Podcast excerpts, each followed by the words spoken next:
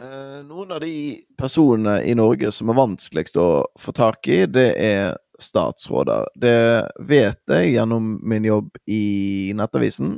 Vi sliter litt med å få tak i de Jo, ofte Jo, jo kassere kritikken er, jo mindre sånn Jo lengre tid tar det, og jo vanskeligere er det. Det er kort oppsummert. Det kan hende VG har eh, lettere å få tak i de, det vet jeg ikke.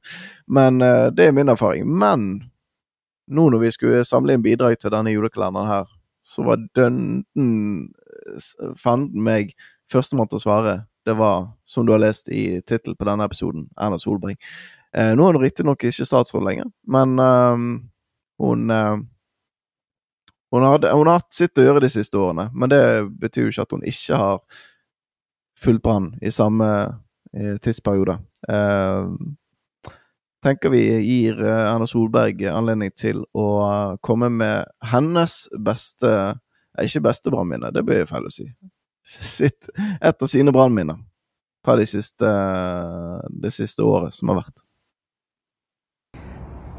Kjære alle branntilhengere, spillere, støtteapparat. Jeg skulle jo selvfølgelig dvelt mest med alle de gode minnene. 2004, cupfinalen f.eks. Lyn ble smashet ut eh, før det var gått 40 minutter. Eh, det var en fantastisk opplevelse.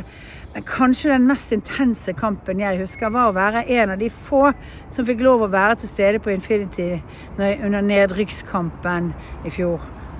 Det var jo en forferdelig kamp å sitte og se på. i tåken, i det der litt mystiske landskapet. Og hvor du prøvde og prøvde å få ballen inn i mål, og den gikk ikke inn. Og på et tidspunkt så la altså KrF sin generalsekretær Geir Morten, onkelen til Sivert, skulderen, nei, hodet på min skulder og sa at han hadde gitt fullstendig opp. Og akkurat da så røk der inn et par mål for Brann, og vi trodde alt hadde endret seg. Akkurat den opplevelsen er den mest intense fotballopplevelsen jeg har hatt. Men dessverre, det gikk ikke. Men dere har virkelig tatt revansj i år. Den serien dere har bak dere nå i eh, Obos-ligaen, den gir oss alle håp for fremtiden.